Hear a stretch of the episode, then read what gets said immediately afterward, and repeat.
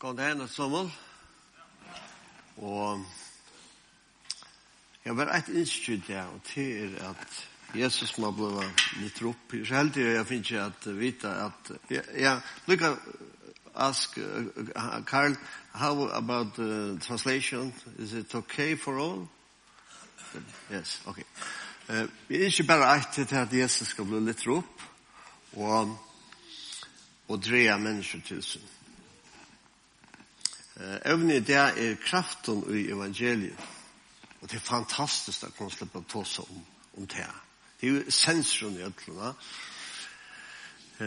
Så jeg får eisne be at jeg kom fram til forbund, det som har hod til at komme kjenne Jesus, kanskje for første før, eller kunne komme honom nærmere.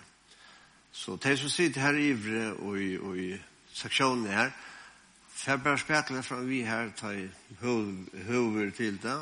Og rundt og nere her, at det her er folk av fire. Rona sitter her, og Anna, og, og Loiv, og Hans, og Jokvan, og ja, her er Ivalest av folk av. Så fær bare ikke heimater.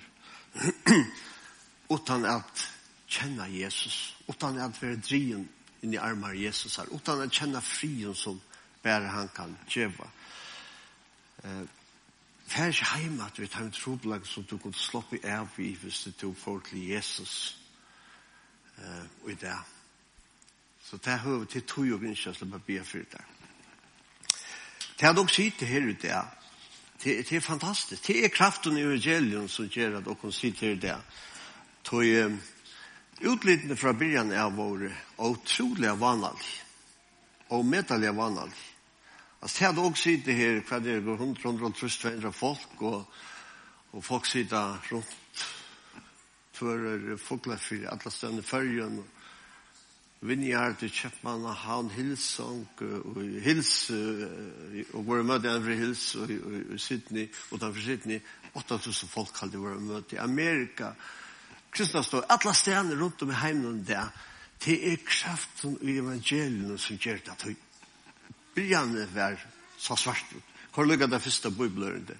Og eh, vi byrjan ta lesugur, ta kommer her, om te tryggvande, te første tryggvande. Hver var det? Hver var det første samkomman? Ta stender her at eh, uh, uh, ta kvöld var kommet Hetta alls det fyrste. Hetta fyrsta møte på seg. Hetta er dagen, fyrsta dagen i vikene. Dittna var ståndar her som lærer fram om våre av åtta fyrir jøden. Tar så det innan ståndar dyr av bedre enn åtta fyrir jøden. Og hun sier her pura frals. Det er kraften i evangeliet. Men ta fink vidtjan. Lukka takk til vi i eisen. Ta stå Jesus, kom Jesus og stå mitt i middelen tarra og sier vi der fri og ver vi tikkum. Og til han, han har sagt dette, visste han at han henter sine og sine sine, og så er det her verset som vi alltid må være essensen tjokken øtlån, til er ta vår lærsene gleder til at det så i herren, til er det her at suttje herren, at oppleve ham. Og hvis du ikke vet hva du tar seg om, ikke aner hva du tar seg om, og tar seg om å kjenne Jesus, så måste du komme og gjøre det, til, til det er ikke livet ta flyter liv av en helt annan plan. Jeg elsker at det her, ta vår der glæger, ta i der så Jesus. Gleden kom her, men det var ikke nok. Det var ikke nok. For bare den neste øre jo at du. Tog jeg det var bedre avmarka til de som var her. Det skulle meira til. Og hvis du kører til den neste øret, ja, Det skulle meira til, tog at, at, at, at de var avmarker. Hvis Jesus ble gangat ved teimen, det var, det var avmarker, så var han bare her. Det var bare teir som kunne njota Jesus. Men åker sida i det, og kunne njota han. Og jeg sier det vittar, han sier, men han nu var, fjora, vers 4, men han nu var samme vittar, men gav han dem til å bo, at han skulle ikke fære ur Jerusalem, men Men boi etter tusen færen hei lova, som tid sier han har hørt med tal om. Tar atleis israelskjur i Jerusalem. Så tar våre bebbarat, tar tort ikke. Og tar skulle vi glede for. Så så høytar just av der bare vek. Boia.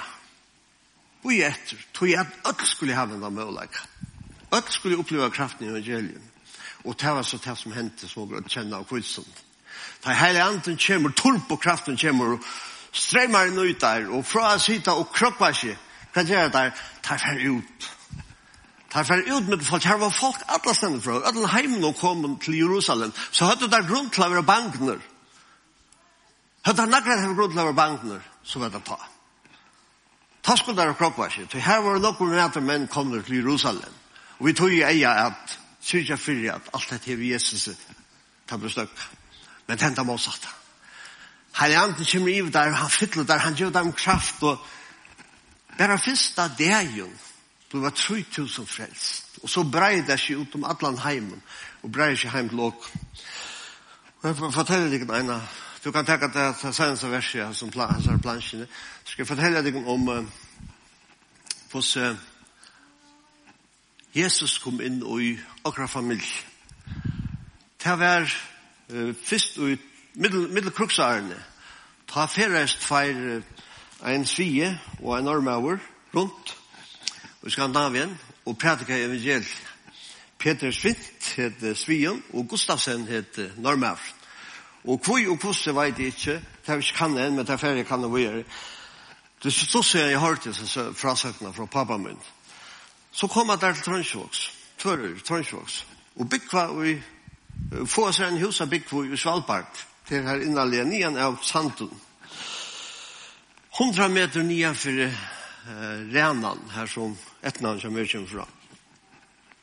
Og oppe i Renan her bor uh, Petra og Petra Karl Beck, vi tutsi bøtnen, og satt tok tog det så tvei abbabøtten og ombøtten heim til at Fossrup. Det bygger vi her, og hette er det 33-34 kanskje. Um, Jesus er et åkjent fyrbryt, Åkjent for min, Åkjent person. Vi tar det heim. Men ta neine. milingrum, mitt i badnaflosjen, han fer renna om han. Han stod der renn i middelen. Han sier her han om han, og han var sammen med dem. Han kommer kjenne deg. Han var møte, han var sundagsskola. Han kommer lære sannsjoner. Han elsker jeg at vi er nere i tjadamen. Og en vei så gav han seg ut til Jesus. Et mitt i tretvunnen, og Arne ganka, nekra brøyen og brøren hans har vært eldre, og tar lov til avvirke av heimnen. Det var bare han som lærte Jesus å kjenne. Så nekka skrutje. Men en liten episode av Arne. Yngsta systeren fortalt for meg at uh, Arne Døye fortalte for meg at hun ta ena kvölden nu i gudbryllup i Trønsvei. Og alt færre sted, ta stora, ta stora festen skulle være. Men kan holde tolv, så kommer, kommer badjanere som kjente Jesus, som elsker Jesus heim. Hun sier, han kommer på kammer, han begynner å tosa vi han om Jesus, og lette henne til Jesus. Ta noe tvei. Kruksarene kommer, tvei fjørte ferhes er unge drongrun.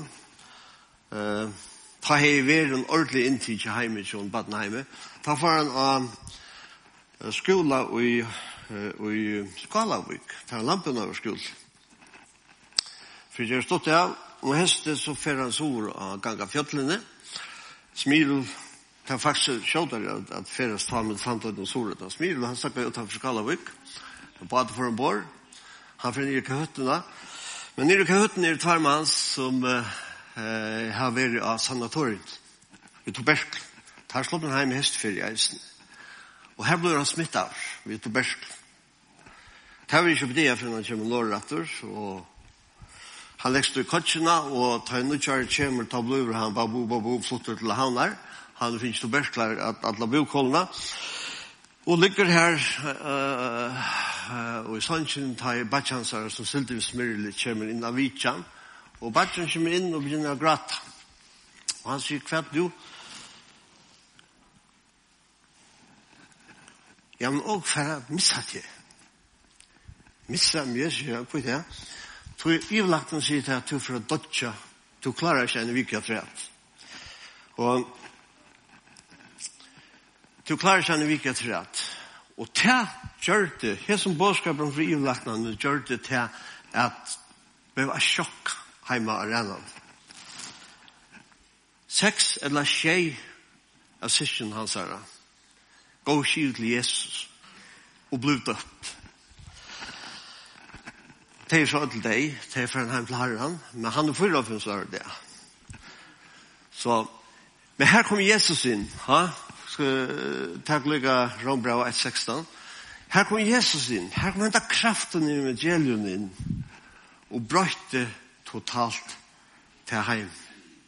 Det går ikke over til, til frelsaren, og jeg kan nevna at uh, bare helt stått, henta nye systeren som vi tås seg om, yngsta systeren, Hon er en son som heter Per Beck, han er, er en av grunns, grund, uh, han leiande i samkomne her og i det.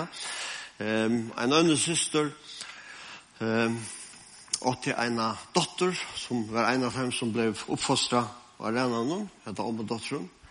Hun heter Elsa. Hun var mamma til Alex Berensjøy. Så en annen til en av dotter som eider Hildegard, som er noe som repta, elsker bød. Så les brøytest alt heime kvui av en teori, nei, tog Jesus kom inn. Og ta Jesus kom inn, ta hei heimlun, så langt på ivetak, og i tog badna heimlun og tja, pappa munnen, at, at det var ikke kila. Brøyner og ikke, meira fotler enn jeg tror. Jesus kom inn, og han brøyte alt, han det, kraften i evangeliet. Jeg skammer seg for evangeliet, det er jo kraftgods hver en tog til frelse som tror, bæg jøta, fyrst og grikka. Kraften, Tar som kjenner, tar kloke jobban, tar som kjenner, kjenner grund grundmal tar sig att det är kraft kraft och hade ord som brukt här till det samma som brukte dynamit dynamos. Passar inte? Han nickar. Det fanns och det är det som händer va. Ta Jesus släpper in. Jag också men den här verkar sanchen av förskon en av versugur och synja vi glädje och frie han kommer och vi kör från smått till borg och brottstår tack upp og sanker her fyr bestlar grater og sorg. Kraften i evangeliet, det brøyter alt. Ikke vi teori, du bør ikke ha en skola et la, og et terapisted for at du setter fralse, ta Jesus kjem fram med. Han bør ikke komme gratis av en eller annan terapiskola. Det hender her nu. Ta Jesus slett fram med. Og forstand det ikke, ikke forstand, ikke naglet forstand det, forstand det, ikke forstand det. Hva er det som hender? tar dynamitter kommer inn og brøyder alt. Halleluja. Um, en maver som, uh, ja, det ser så at Santa Petersburg, det er en, en, til er eisne, en bøyer i, i Florida, en 300.000 folk bygger her der, tatt vi Tampa, og Her kom jeg med over for noen år siden til å være midt i trusselen. Kjem jeg med over syklande. Han het Dave Rodenis. Dave Rodenis. Han kjem suklande av sin sykl. Av et lærbeis. Og så ser han. Han sier han visste ikke på i, men han eier en fest og en unka drong som stod og, og han går til hotne vid Pinellas part for jeg gjør det fullkomne. Han sender en unge dronker, og tar han fra heim og kvöld, og fester jeg at vi andre dronker, tolv år gammel dronker, han sender seg. Morgen etter tar han fra et arbeids, nå hykker han. Jo, han sender seg med sted. Eisen tar han fra heim, og han gjør det av, hvis han sender her morgen, tre av dagen, så skal jeg færre vite hvor jeg sender her. Morgen etter tar stå dronkeren at vi er. Og vi heim så fyr, så fyr han i til han, og spyr han hva gjerst fyr. Jeg, sa, jeg har sett henne ut hver dag. Hvor stendet du her? Jeg bor i et mamme. Bor i et mamme? Ja. Ok. Hva er mamma? Jeg vet ikke. Hur du boja alla delen ett mamma, ja, jag boja. Hon, hon blev en stande här. Tolv år gammal dunker. Stod hyxrande här och Og til ett nästa steg. Jag får samband med han og få lokkan å komme visser. Det var ikke at man, han åtte ånkan pappa, han vet ikke av pappa sin. Han gjerne kom med forresten, for jeg tror jeg trus. Han kjente ikke til pappa sin, og mamman hei nok vi at røyna at ivliva selv. Så hun sagt vi drøntjon, statt du her og boja, mamma kommer rett. Men mamma kom ånkan etter. Da fikk samband vi, han fikk han visser heim til hus, og så får han av en, ja, så repta. Han får av en, en leve, et leveplass for, for bøten, som det skulle være bøten. Og her har han først om Jesus. Unga de hørte om Jesus. Visst ikke Jesus var. Her hører han om Jesus, og han lortar, og derfor er bænt inn hjertet. Så tar han bjøa fram, så for Bill, som han heter, Bill Wilson, tar for han fram. Folk lägger seg her og, og knæ framme vi her framme. Han lägger sig inte det samma, han vet inte vad man gör, han lägger sig östen. Men så betyder han till att, att folk kommer och tåsar vi de som ligger här och bia för dem. Men så säger han, Anjon kom till morgonen. Og Bill har så filosofer om datan, og det har sikkert det tog at vi får faktisk beinleis, og hette levesteg, så jeg var skiton, og har ikke sett særlig testspillir ut. Men uh, Bill sier, ta gjør det ikke, tog jeg Jesus kom til meg. Men jeg la her, takk om Jesus. Og han brøtte i løvmøyt. Jesus brøtte i løvmøyt. Totalt. Og jeg sier vi er Jesus, mamma min legger ikke i meg, mennesker her legger ikke litt helst i meg, men to legger i meg, så jeg er til mer av livet sammen og tær og tærne til resten av livet. Han får vi i samkomna, til enda vi han ble ungdomsleiere, og atle tøyde hei han et mål, jeg skal være en utrett hånd til bøtten som er i sånne støv som er. Så han spurte folk, hver kan jeg gjøre største mån? Og han fikk vite fært til New York. Her er bøten rinkas fyr. Så han pena, det assistenter Bill Wilson, og at han ikke er gammel, og at Central Station i New York. Og han frivillig en taxabil, han sier, han stod, Kan du se meg, hver er det mest vanvittiga steg i New York? Her bøtten her det rinkast. Her neien er størst. Oha, sier han. Det er til Brooklyn, Bushwick-parten. Her er det. Her, her har det det rævlt. Er sikker? Ja. Ok, hva skal jeg med her? No chance. Ikke taling. Her fer jeg ikke. Hvor? Hva er slags er jo? At du for ångan å høre det her. Det er nok forvandla vi ikke.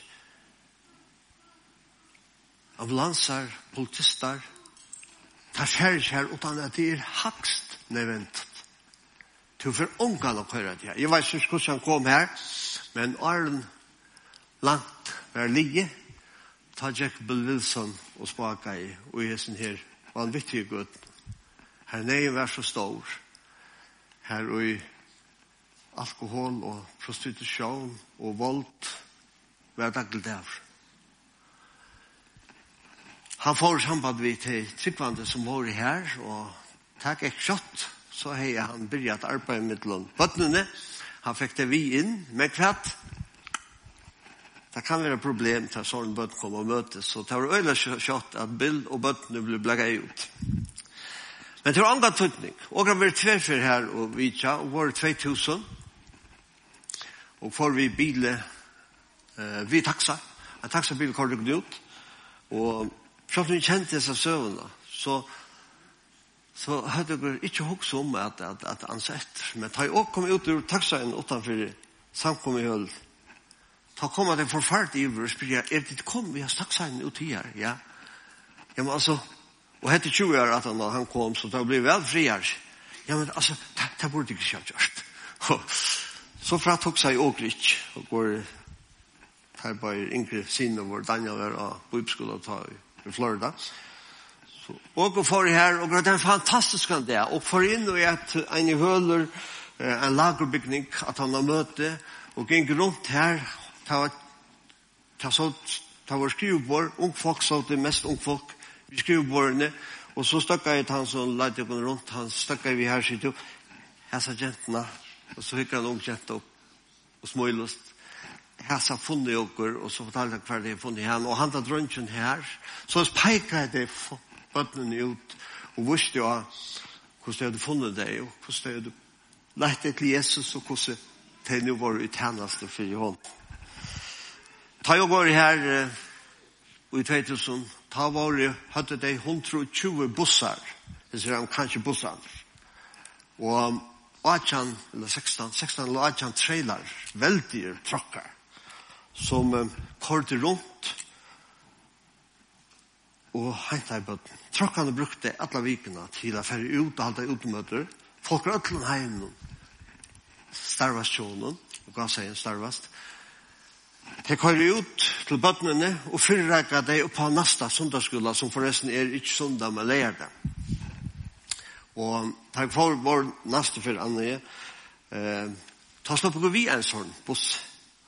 Og det er veldig noe som, som du som du er gripen av og som setter sitt avtrykk til liv. Her var en jenta ur Kanada kort bussen, en ung jenta.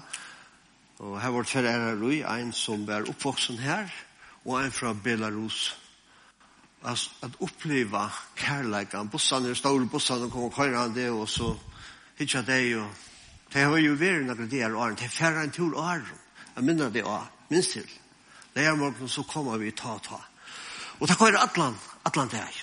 22.000 bød ble var samla i oppe på tammatan. Henta jeg, jeg halda fem fyr, fem sundagsskolar, kan leir det. Og høyre evangelium Jesus og få noe godt heim vi at. Altså, jeg føler jeg. Og til arbeid til hånden til Brasjum Atlanheim og til er 220.000 bøttene være og handan hatt samlet i kvann leir det og få høyre om Jesus.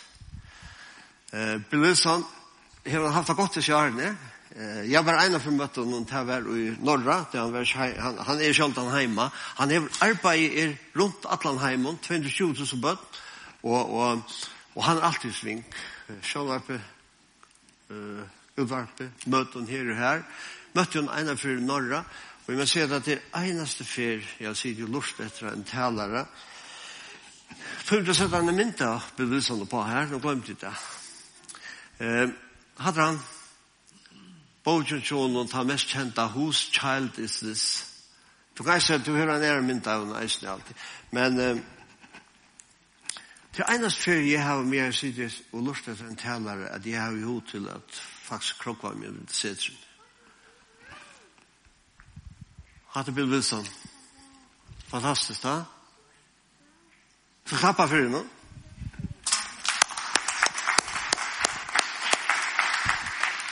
Han har vuxit sitt liv til, till att geva öron det som han själv vill finna. Kvart är vad han finna. Kvart händer vi honom. Hva er det som er fantastisk for henne? At Jesus, han møtte Jesus. Han møtte Jesus. En ung dronker sier, han sier, tid vet ikke tid vet inte hur stor är här. Och stor blir nok, nok, nok, nok, nok bedre. Tid vet ikke hvor stor han er her, Men altså utlitning kommer her som en smadrønge, Jeg er tvær møleikar. Ta ene, ta var deien. Innanfor tre år. Innanfor tre år. Utliten innanfor tre år. Ta var anten av litt grøvne, etla ganga all brynjavr av grøtene og vera til vanta frien. Halleluja. Hva hente? Det var en med over som var ørvet. Han var en lær og kontrikvant. At nøyta fra møvleikar og grehafa. Det er umyndig om vi sier Det var noen annar som kunne være kommet her og hatt det, finnes jeg inn i åren. Og som kanskje tog han til sin og misbrukte han, selte han. Eller hver veit. Men det var en tryggvandre som fyllt vi var ikke fyrir seg og lurta i etter, og hørte det sanns og og man lurta etter herren. Han er som morsar enn ta eisen, ja. Og hørte søvnene da til som morsar, ja. Som hørte det som hinn ikke hørte. Vær åpen. Som en annan Bill, Bill Johnson sier, Han er pastor i Bethel Church i, i Amerika. Han sier, Gud talar nok mer enn noe drøym om spurning blir bare om han lurta, lurta, lurta, lurta og tåra gjerra det som han bygger gjerra.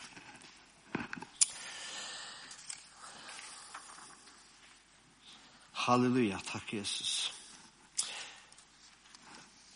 Satt en grønne bok, tjej fyrstan, du vil ha sett dette verset oppa. Halleluja.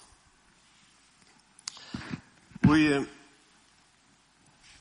var 2000, nei, jeg minnes ikke, Det er noen år så igjen. Da ble bjøret vi til en tur til Guatemala. Det var en uh, normær som bjøret vi, en, en pastor i Norra, Vi er samkom i Stavanker. Han hei arbeid som oljesefrøyng reisende, og, og vær ångte i førren og tog samband. Vi kom samband vi han. Så bjøret vi til en uh, at vi ikke en boi i Guatemala her og en vetjeng vær og stadvek er. En boi som heter Almolonka, han er tett ved en stor boi som heter Keska Telango, som er 300.000 folk. Ta boi, ta alt dette byrja i 20 år siden, ja. Ta boi 6.000 folk i Almolonka. Og ta var nei og djup elendighet. Ta var nei Bare for å takke en statistikk, det bor 6.000 folk. Her var 36 barrer. Fyra fangehus. Tvei til tru bøtten døye av fatakt og sjuke daglige. Og arbeidsløse, jeg arbeid har ikke lagt det kjente til. Jeg synes det av, av det diska jeg deg i, i dalen. Men her var ein personer som virkar for herran. En amerikansk kvinna. Kvinna troboere. Hun gikk runt og rundt og fortällde dem om Jesus. Och det var inte bara smating som gikk för seg her. Det var, det var avgoda dyrskan och drukk som jeg kjente allt. Hun fortalte om Jesus. Hun rundt og få kontakt. Mittel anna fikk hun kontakt vi en, en unga mann, om 30 år alder, Han er Marianne. Ikke tog han var at han hampa, hampa folk, slett ikke, men hun fikk hjertet henne av vakna i fyrir hånden, og hun røynte at avrkan. Det er ikke Marianne gangkante, mitt i ötlun, avflytjaskapen, ringer av timpomannen og sier han, Jeg har sjål snakka vi han, så, så, det var sjål, det er veldig opplys. Han kommer gangkante, og et gøtene tar han og ropar, Marianne, Marianne, Og han sier det, han kvakk vi, men han sa han. Marianne råpar att och tre fabrerer han til god. God sier vi han, jeg har bruk for det her. Jeg skal bruke det, jeg skal bruke det til å brøyta omkvarve og i almalonka. Og han sier det at han får bætt inn i hjertet hans herre. Alt det man er hårdt for å se om konske kvinne, ta vakna i. Ta vakna en hår etter at jeg fyllt Jesus Han gav ikke ivet til Jesus her nu. Og kraften, turbokraften, kraften i evangeliet, for å virke. Da jeg var her, 20 år etter nå, da var folketallet vokset fra 6.000 til 24.000. Av 36 barren var bare trutjert. 30 barreier ble frelst. Og at fyra fankehusene var stånd. Og badna deilighet det var bare ikke meg. For til Jesus kom inn. Jesus kom inn i livet til en mann som bærer på vår hjert. Ikke fantastisk da Jesus kom inn. Hadde kraften i evangeliet.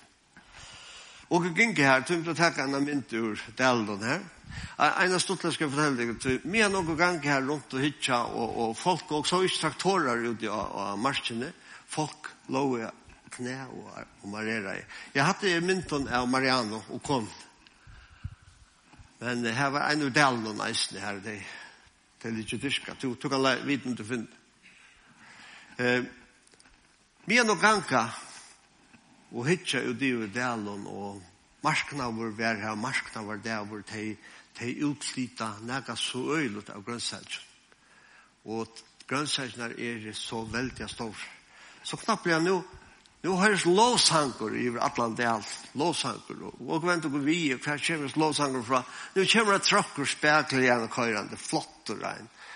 Spekler igjen og køyrande nye som delen, og fram i avstanden, hattalarer, og det er en av flottaste lovsanker, og jeg var i atlan del.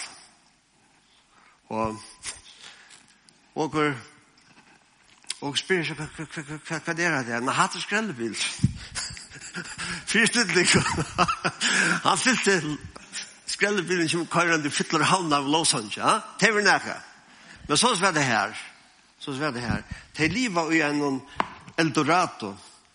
Uh, som vi sier, barnar ståndte allar utan trutjar. Og det sier at det her er, det her er så brukt av, av, av gestor som kommer stedet fra at vi til lokale 52 prosent av timen som bygger her er brennande tryggvandig det. Og det er ikke 52 prosent av, av det er ikke 52 prosent av 6.000. Det er folketallet, ta i også vår her, var vokset til 24.000 på 20 år, fra 6 til 24. Arbeidsløse var okjent. De innfluttet. Det kom daglig kom 3000 folk ærestand fra at arbeid. Amen badnadeilighet, det var ikke mer. Og går inn i uh, byråskrivstående. Og det var stått litt. Byråsformeren, han fortalte jo om, om sin omvending. Og stod her 18 norrlendinger, eh, som Absalon sier, eller hva de bænta, stod i vår norrlendinger, stod vi her, Og så hesser her, det var det mer oppe i loften, og det var det, og det nå ikke borgersliv. Byrjensformen har fortalt sina, sina omvending, og nestformeren i byrjanen eh, lagde lovsangen. Og Arne Gusti av, så var det øtla knøvn, av prøys og takka Jesus for det at jeg hadde opplevd. Halleluja. Ikke nekka, hvordan kallar det det? Kallar man det? Jo, menninga hjelp, etla utviklingsprosjekt eller nekka sår brøtt i Almalonka. Men det er at Jesus, han som hekka krossen, han slapp fram et kraften i evangeliet. Halleluja. Eh, jeg har tver, forresten, tver uh, bolarødre han vi. Altså, grønn med det her er eh, overhåndstort. Tykker så det er en bolarød her. Jeg har en av bolarød han vi som vi er et halvt kilo, og en av som uh, vi er i 400 gram. Nå er det så langsamt at, at jeg smukler det, så jeg råkner vi er til foreldre. Men uh, jeg måtte takke det vi i koffertet og ønsker å bli et. Grønnmøte, de, de utflytter det, du kan si at det er det rett, de utflytter, hvordan vet det? Um,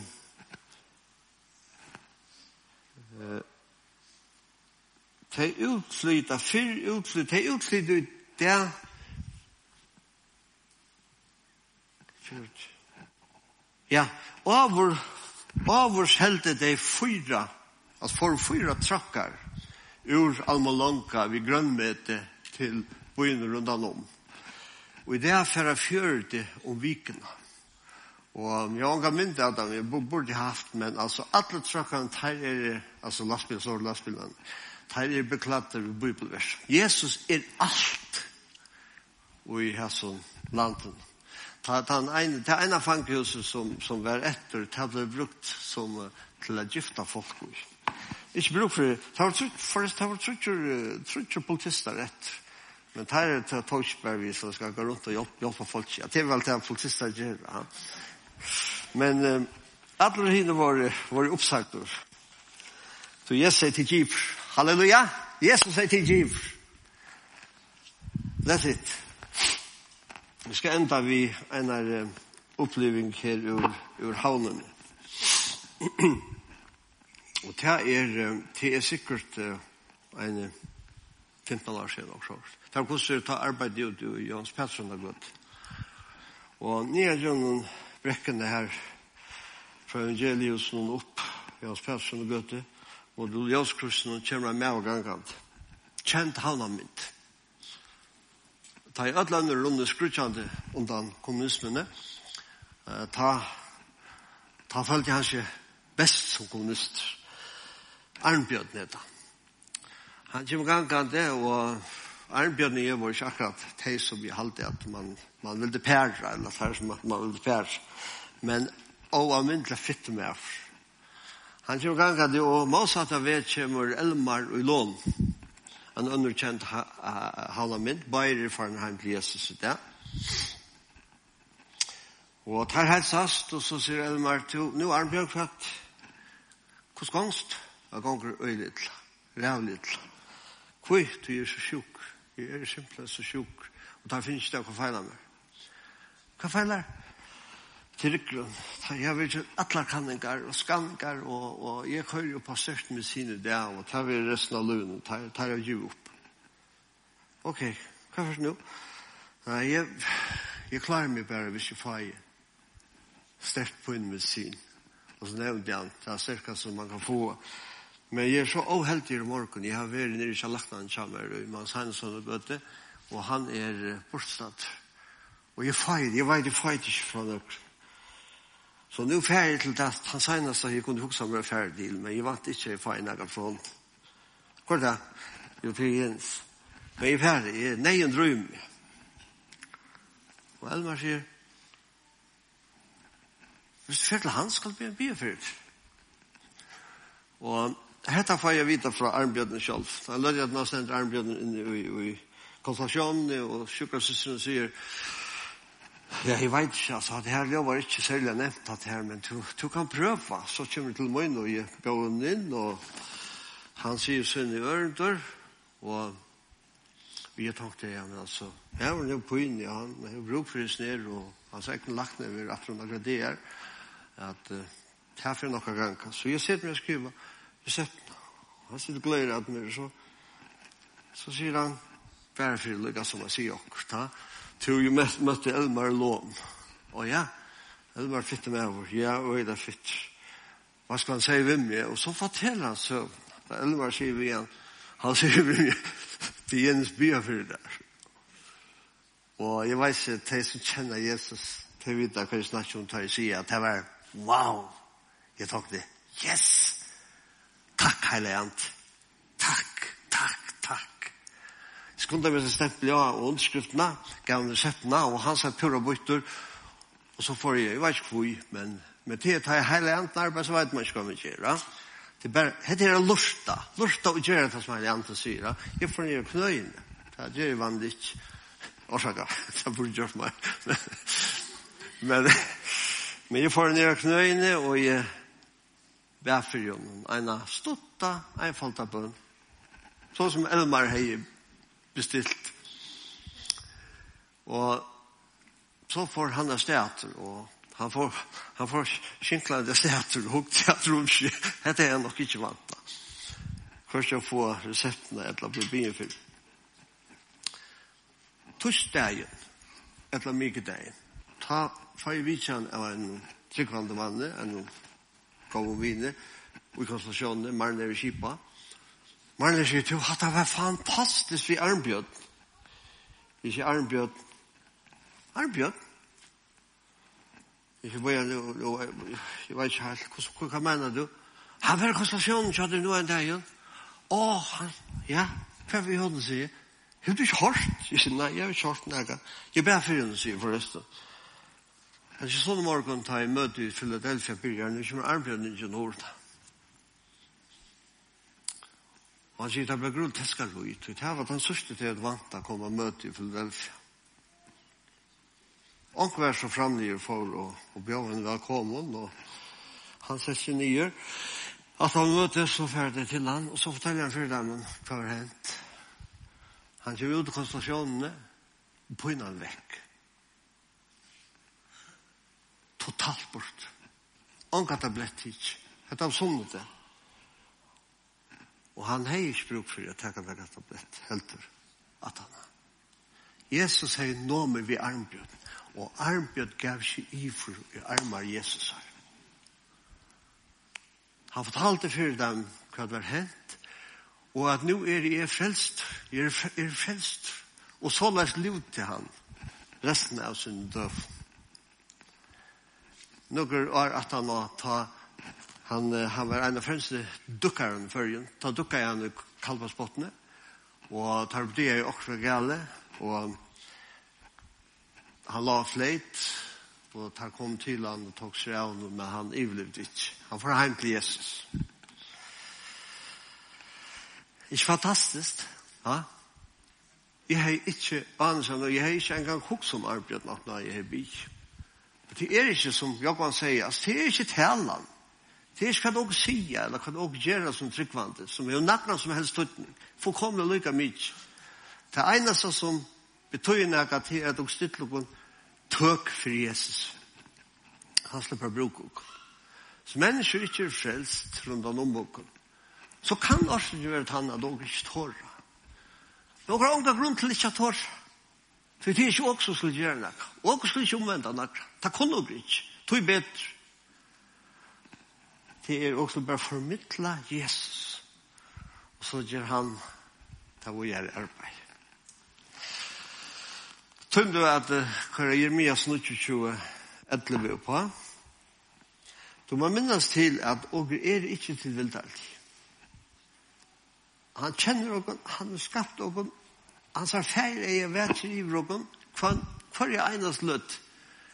Og han hever atlan. Jeg veit, vi, hva det atle, og her vi hova vi ujan til tikkun, sier herren, fri er atlaner, ikke vannlokk atlaner, er djeva tikkun framtid og våg. Han hever atlaner vi ugun, og han er bruk for ugun. Han er bruk for et herre mer som tryggvante til å bera båskapen ut. Atlas den her greier. I skola, arbeid, fritid, kverger er, ikke skammas vi at vise at dere kjenner Jesus. Bare for å fortelle en av luttene for at helt slutt, så sa jeg som torsk kvølte, stand ute av grøten i Kjøpmannhavn, og midnattarleite, en medover måtte slippe å prate med meg torsk kvølte.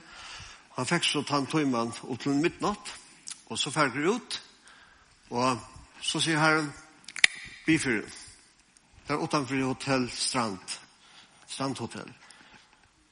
Vi lei hånden av herren rånen, tog i hånden av noen, og begynte å bya. Og han tatt her til hånden ble fastare, fastare, fastare. Da jeg var livet, jeg skal ikke ferne i detaljer, da jeg grann på meg så sier jeg, jeg må ringe. Og hver ringte han? Han ringte til Nigeria til en tryggvande vin som han åtte i Nigeria. Han var så, han var så gripen av oss her som var hent at han måtte slippe å fortelle om det bare vi, det enda vi i Islam snakket, vi, vi hendet nigerianer leist. Hatt er det, hatt er det som gjør livet spennende og stortlott. Livet sammen med Jesus. Så jeg ser det at de unge som er her der, velger livet i Jesus. Det er trygt, og det er godt liv, det er et frifullt liv, det er liv i mening. Knappelig han hever mening. Læt ikke heim og lokka det til å bruka ta tøy som du finnes fra gode til fjant og fjas. Han hever veldig atlan i vik. Framtøy og vågen. Halleluja. Og du skal ikke gjøre, du skal bare være tøk, være tøker og i hans herre hånden. Og så først og forresten veldig fire for sju år. Du slipper at bare bådskapen han ut, men du slipper eisen at oppleve hvordan han teker seg av tær og tøyne og atlan hatt. Halleluja.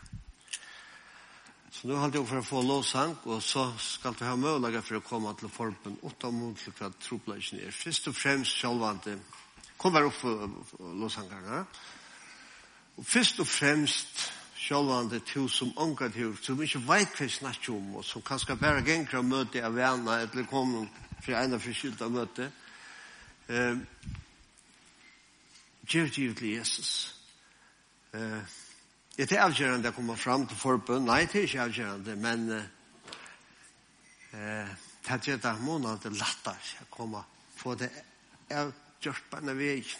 En som vi ber, ber vi til frelse av, av kokkaskolen og Klaksvik, en førre med vår, om en 25-årig Han sier det er også mye ankre, holdt av Aron, ta igjen, steg av en møte i Ebenezer, så en lovte hei bjåa fram, og han sier, jeg skulle fær fram, jeg får ikke, jeg tar mot godt til.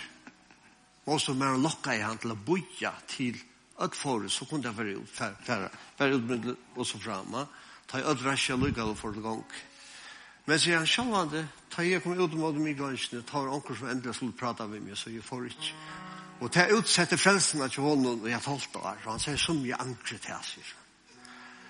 Så ta hjelper til en latte till nemmere att komma fram her och låta folk bia som er ute där. Eller hvis du hever okt sjuke eller okra, okra veikleika, okra du tog pynust av, og du græter av, av omstøvun som kunne være bedre og så videre, lade oss släppa bia för det der. Och vi kör det vi glädje. og vi älskar å gjøre det. Tog jag att och uppleva det, hva det hänt. Amen. Halleluja. Annika, du kan nesten be, at det er nok som kunne be her, det er ikke trobla, det er nok av folk som kan, kan komme og be av der. Så her fru man, langer reise kom opp og, og synja låsangen og og kom så fram og ta mot til hva det er. Tykker river, fær bare spekler fram vi og, og stridliggende river, og så takk mot deg. Og du som sitter her, her fru man, du hetta kan være det som brøyter daglig, det er ikke det her, Og kanskje ikke familien er ikke her. At her kommer til Jesus, at jeg var det fullt ut i hans armar. Jeg ble brukt, eller brukt det av hånd. Kom og Jesu navn.